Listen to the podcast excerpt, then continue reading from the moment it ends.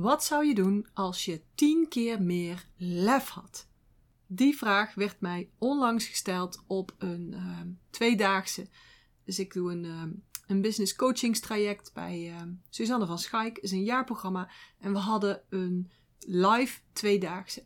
En daar werd deze vraag gesteld. Wat zou je doen als je tien keer meer lef had? En ik vind het echt een super interessante vraag. Ik heb er, inmiddels zijn we al een paar dagen later, veel over nagedacht. En ik dacht, ik ga er ook een podcast over maken.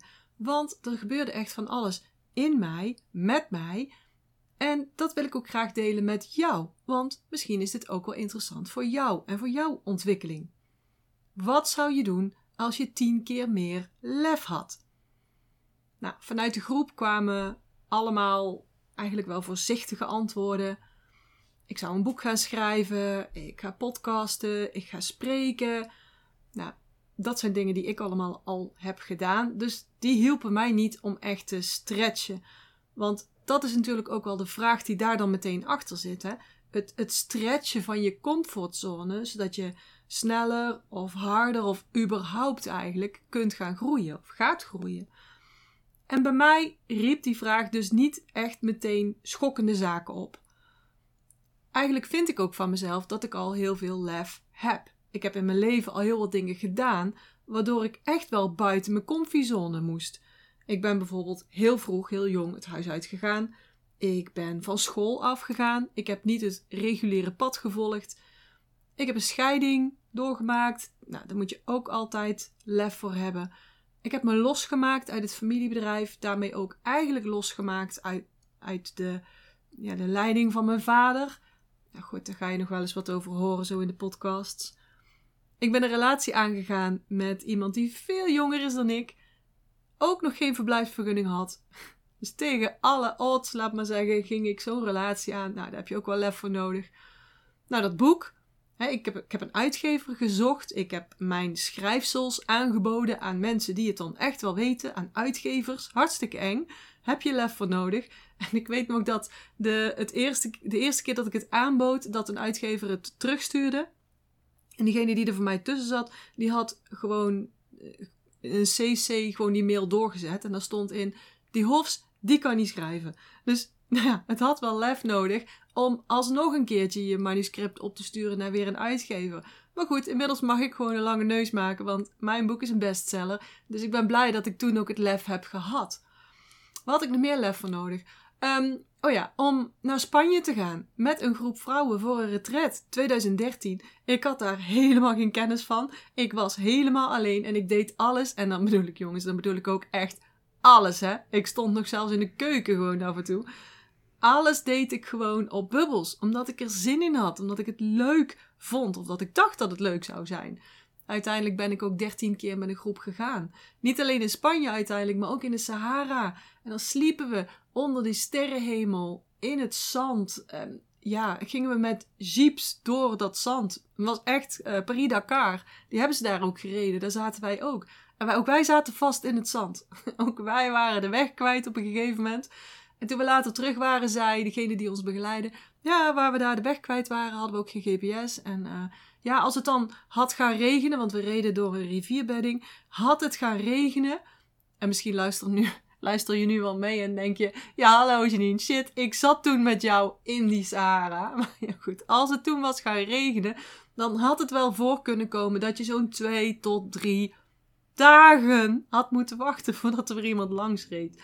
Nou echt, dat wist ik dus allemaal van tevoren niet. En dan zit je in zo'n situatie dat je denkt: Oh, waarom vond ik dit ook alweer een goed idee? Nou ja, omdat er dus lef is. Op relatievlak heb ik ook regelmatig echt heel veel lef moeten inzetten ook. Vaak in een split second decision van ga ik nu voor mezelf kiezen en krijg ik dus mega ruzie, wat ik helemaal niet leuk vind. Of hang ik hier voor heel mijn leven lang in, in, in het effect hè? en het, het voelen en het spijt hebben daarvan. Dus ja, daar heb ik ook wel heel veel lef getoond. Ehm, in kleine dingen ook tatoeage heb ik. Um, ik ging skiën op mijn dertigste. Nou, ik vind dat er ook lef voor nodig hebt. Heb ik drie jaar gedaan, geprobeerd, bin there, done that. Heel veel lef voor nodig gehad, maar goed.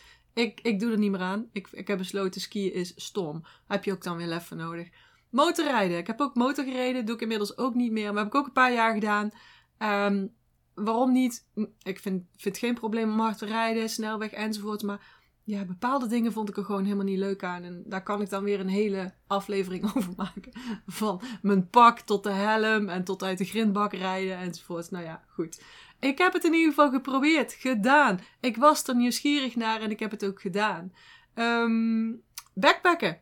Heb ik ook gedaan. In verre vieze landen met beestjes, zeg ik altijd. En oh jee, beestjes heb ik echt wel gezien. Dan moet je denken aan India, Nepal, Maleisië, Singapore, Japan, China, Hongkong, Vietnam, Laos, Cambodja, uh, Bali, Mexico, Guatemala, Honduras, Belize, Gambia, Zuid-Afrika. Nou ja, nog veel meer. Namibië, Botswana, Zimbabwe, Tanzania, Zanzibar, Egypte, Marokko.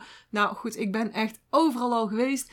En heel eerlijk gezegd, nee, niet altijd met mijn rugzak hoor. Ook wel eens met mijn koffer. Ik ben ook verschillende keren in de US geweest, ook zakelijk. En nee, dan had ik geen, heel eerlijk gezegd, nee, geen rugzak bij me. Maar ja, daar heb je ook wel lef voor nodig om met low budget en je rugzak zo'n zo'n zo'n land met beestjes in te gaan, laat maar zeggen. Um, waar ik ook wel lef voor nodig had, vond ik zelf, uh, is, is verhuizen. Ik ben echt heel vaak verhuisd, misschien wel twintig keer. Ik heb ook een huis gebouwd in België, groot huis. Ik heb die bouw helemaal zelf begeleid. Daar heb je ook lef voor nodig. Beetje inzicht misschien ook wel. Um, maar ja, ik deed het allemaal wel. Maar goed, het huis was al van een jaar later. Was ik weer terug in Nederland. Was dan misschien weer niet zo handig. Um, daarna heb ik een huis gekocht in mijn uppie. Op mijn eigen uh, nou, salaris of op mijn eigen business.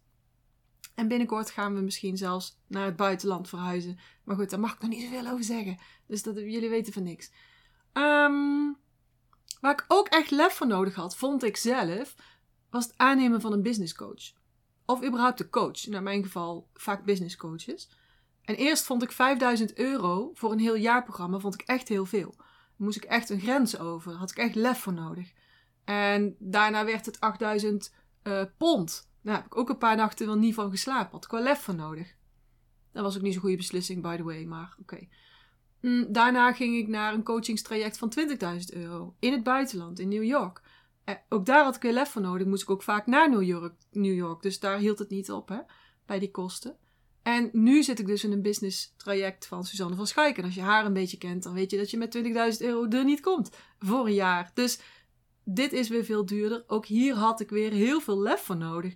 Het is echt weer een hele stretch voor mij.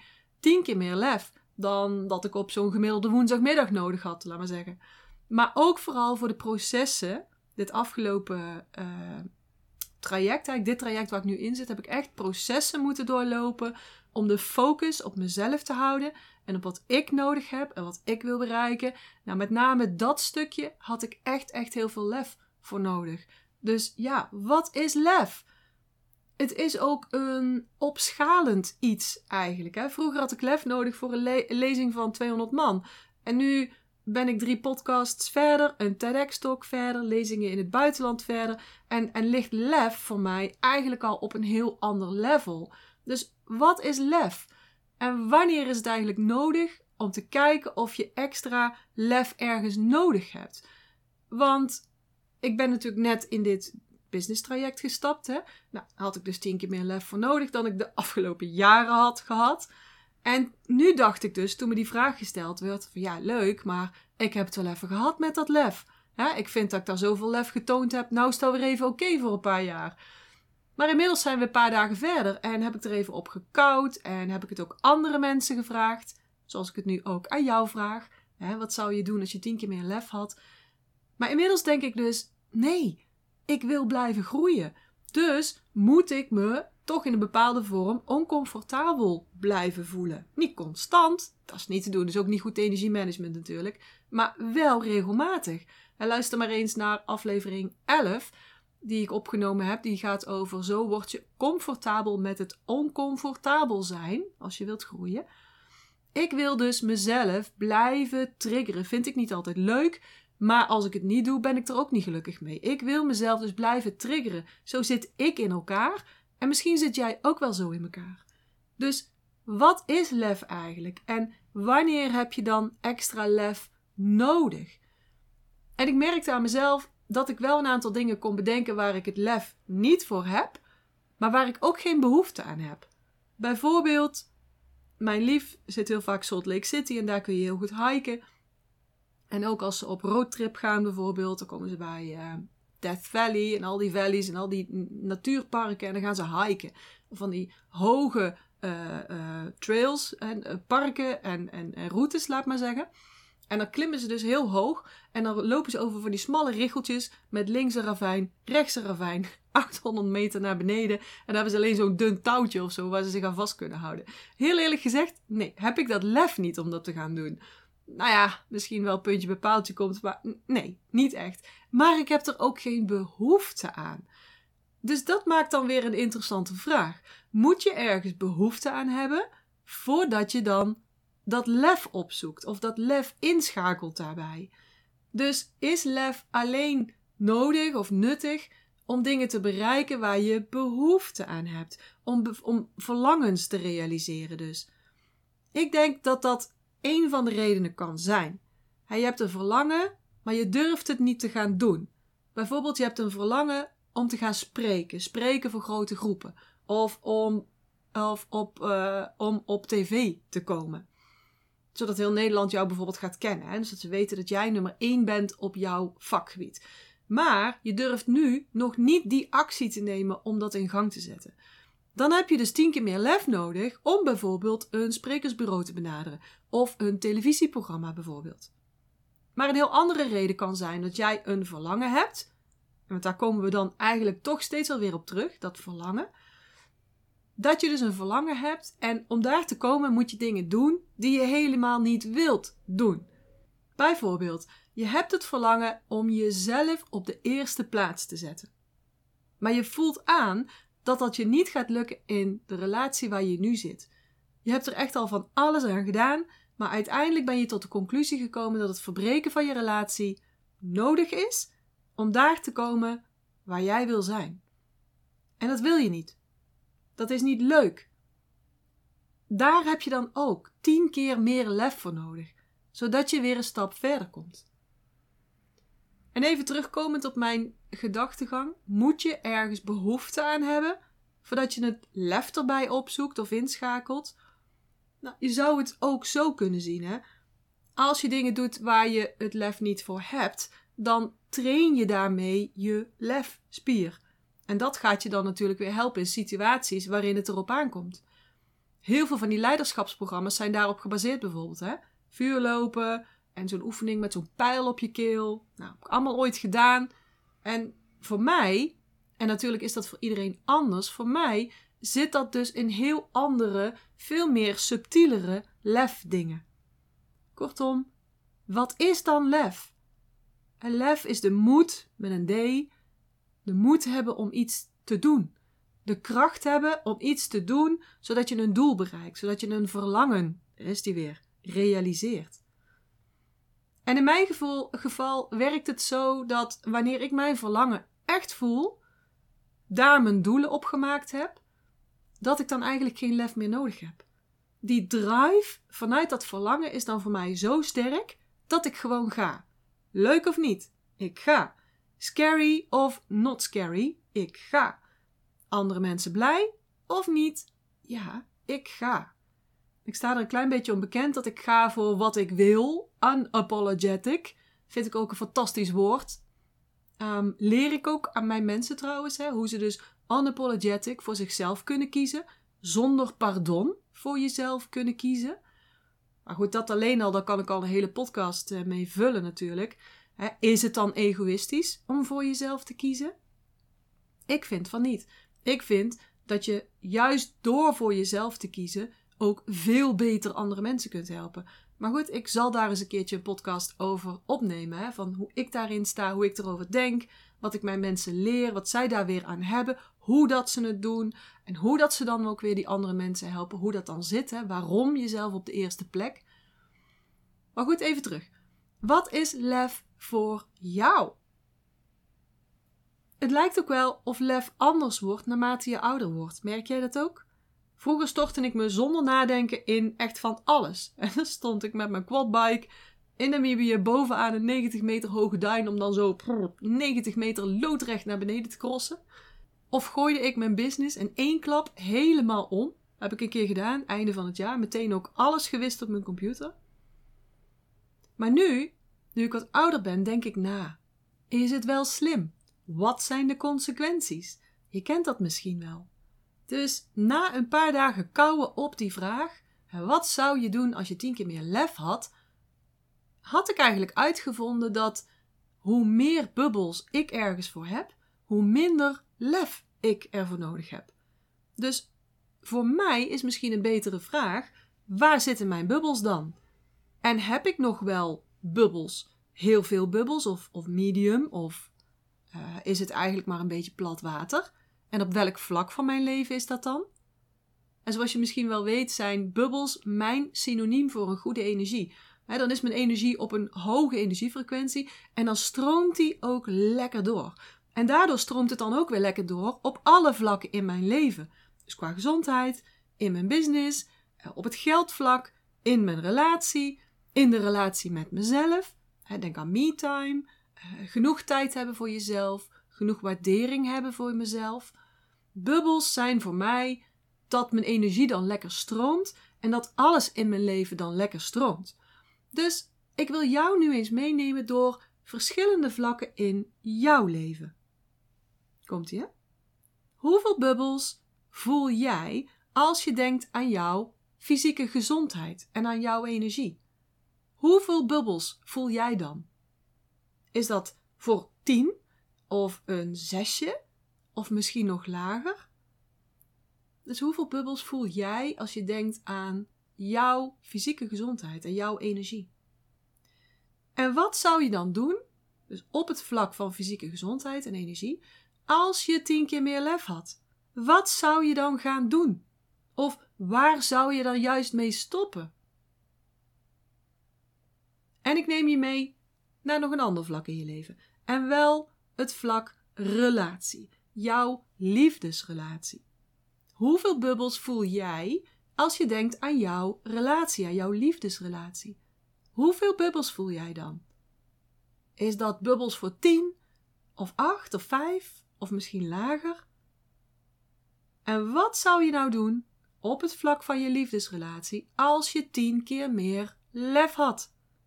Wat zou je dan gaan doen? Of waar zou je dan juist mee gaan stoppen? Of waar zou je dan op afsturen? Op aansturen. Af of aan? Nou ja, je snapt wat ik bedoel.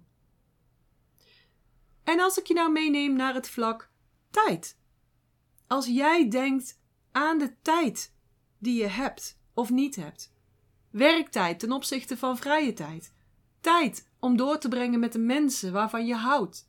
Tijd om dingen te doen die belangrijk zijn voor jou. Tijd voor jezelf. Wat gebeurt er dan met die bubbels? Bruist en bubbelt het dan als een gek of is het maar een beetje plat water? Je voelt hem al aankomen, hè? Wat zou je nou doen als je tien keer meer lef had? Wat zou je dan gaan doen? Of waar zou je dan juist mee gaan stoppen? Tijd. En er zijn natuurlijk nog veel meer vlakken in je leven, hè? maar ik wil er nog eentje aanstippen vandaag. En dat is geld. Money, money, money. Hoeveel bubbels voel jij als je denkt aan geld? Aan geld verdienen, aan pensioen, aan je spaargeld, aan investeringen, aan hoe loopt het? Want daarmee denk je waarschijnlijk ook meteen aan hoe je dus jouw geld verdient. Je bedrijf bijvoorbeeld. Hoeveel bubbels voel jij als je denkt aan het vlak geld? Geweldig? Stroomt het over van de bubbels? Of is het wel oké? Of is het eigenlijk helemaal niet oké? Is het gewoon maar plat water? En wat zou je doen op het vlak van geld en op het vlak van werk, bedrijf? Wat zou je doen als je tien keer meer lef had? Wat zou je dan gaan doen? Of wat zou je dan juist niet meer gaan doen? Nou, genoeg voor jou om over na te denken dus. En tot slot, want misschien ben je daar wel nieuwsgierig naar, wil ik even met je delen wat ik zou doen als ik tien keer meer lef had. Hè, wat ik nu bedacht heb dan, hè, want ik ben er nog wel even mee bezig. Nou, lef heb ik dus eigenlijk niet nodig. Ik heb blijkbaar al gewoon een hele grote galblaas. En misschien denk je, waar heeft het nou weer over? Volgens de Chinese geneeswijze, de Chinese energieleer, is het, het hebben van moed, lef, een kwaliteit van de galblaasenergie. Hè? Het galblaasenergiesysteem. Dus de Chinezen zeggen wel eens: Oeh, die heeft een hele grote galblaas. En dan bedoelen ze dus dat die persoon heel veel moed heeft. Nu is hout, want daar valt de galblaas onder, ook mijn tweede element. Hè? In mijn elementprofiel, in mijn energieprofiel, is dat de nummer twee. Dus daar heb ik dan al een beetje een voorsprong in natuurlijk. Maar goed, bij mij draait alles dus om die bubbels. Als ik ergens geen bubbels voor voel, dan, dan ga ik daar niet voor. En dan krijg je me ook met zo'n vraag, hè? wat zou je doen als je tien keer meer lef had? Gewoon niet in beweging. Gewoon niet. Dus als ik tien keer meer lef had, dan zou ik mezelf toestaan en zelfs afdwingen. Het, het woordje moeten met een T is dan altijd zo gevaarlijk. Hè? Ik moet helemaal niks. Nou, ik mezelf wel. Ik, ik ben ja, behoorlijk veel eisend, ook naar mezelf toe. Dus ik zou mezelf dan afdwingen dat ik veel groter zou gaan dromen. Nog veel groter dan ik nu doe. En toen ik klein was, klein meisje, die blonde staartjes. En toen was ik nog blond, tegenwoordig is het rood. Toen, als mensen dan aan mij vroegen: wat wil je later worden? Dan zei ik altijd beroemd. Ik wil later beroemd worden. Dus als ik tien keer groter ga denken, tien keer meer lef heb eigenlijk, dan wil ik dus beroemd worden in heel Nederland om te beginnen. Nederland. En dat iedereen dus weet dat ik de go-to person ben op mijn vakgebied. Dan sta ik in alle bladen. Dan heb ik niet één bestseller, maar dan heb ik er vijf. Dan word ik regelmatig gevraagd om goed betaald te komen spreken. En doe eens gek, misschien kom ik dan ook nog wel eens op tv. Triggert dit jou? Heb ik jou aangezet tot denken? Laat me dat dan eens weten, want dat vind ik leuk. Die communicatie over de podcast of over wat er in jouw hoofd en systeem nu omgaat. Dus DM mij of stuur me een mailtje. En als je even in de show notes kijkt, dan vind je daar alle informatie. Dan vind je waar je mij kunt bereiken. En je kunt me natuurlijk ook bereiken als je een vraag hebt, bijvoorbeeld over deze podcast. En denk jij nu, ja Janine, ik wil ook alles in mijn leven beter laten stromen. Ik wil ook, net als jij, zoveel energie en bubbels. Wil jij ook de nummer 1 in jouw vakgebied worden? En wil jij ook de nummer 1 in jouw leven worden? Besef je ook dat dit een inside-out job is en dat je dus bij jezelf en bij jouw energie moet beginnen? Doe dan mee met mijn traject Master Your Energy, want daarin leer ik je echt alles wat je nodig hebt. Nou, voor vandaag is het weer genoeg geweest. Voor vandaag, ik hoop dat ik je weer heb kunnen inspireren. Ik wens je nog een hele fijne dag. Ik zeg, zoals we hier in Brabant zeggen, houdoe, oftewel, zorg goed voor jezelf. En tot de volgende keer. Ik hoop dat ik je weer heb kunnen inspireren en motiveren. En als dat zo is, zou ik het heel tof vinden als je deze Master Your Energy podcast zou willen delen. Bijvoorbeeld door een screenshot te maken en die te delen op social media. Waar je me ook heel erg blij mee maakt, is een waardering en een review. Bijvoorbeeld in iTunes, Apple Podcasts of in Google. En uh, hoe meer sterren, hoe meer bubbels. Oh, en abonneer je dan ook meteen even op dit kanaal of ga me volgen op Spotify, dan mis je nooit meer een aflevering.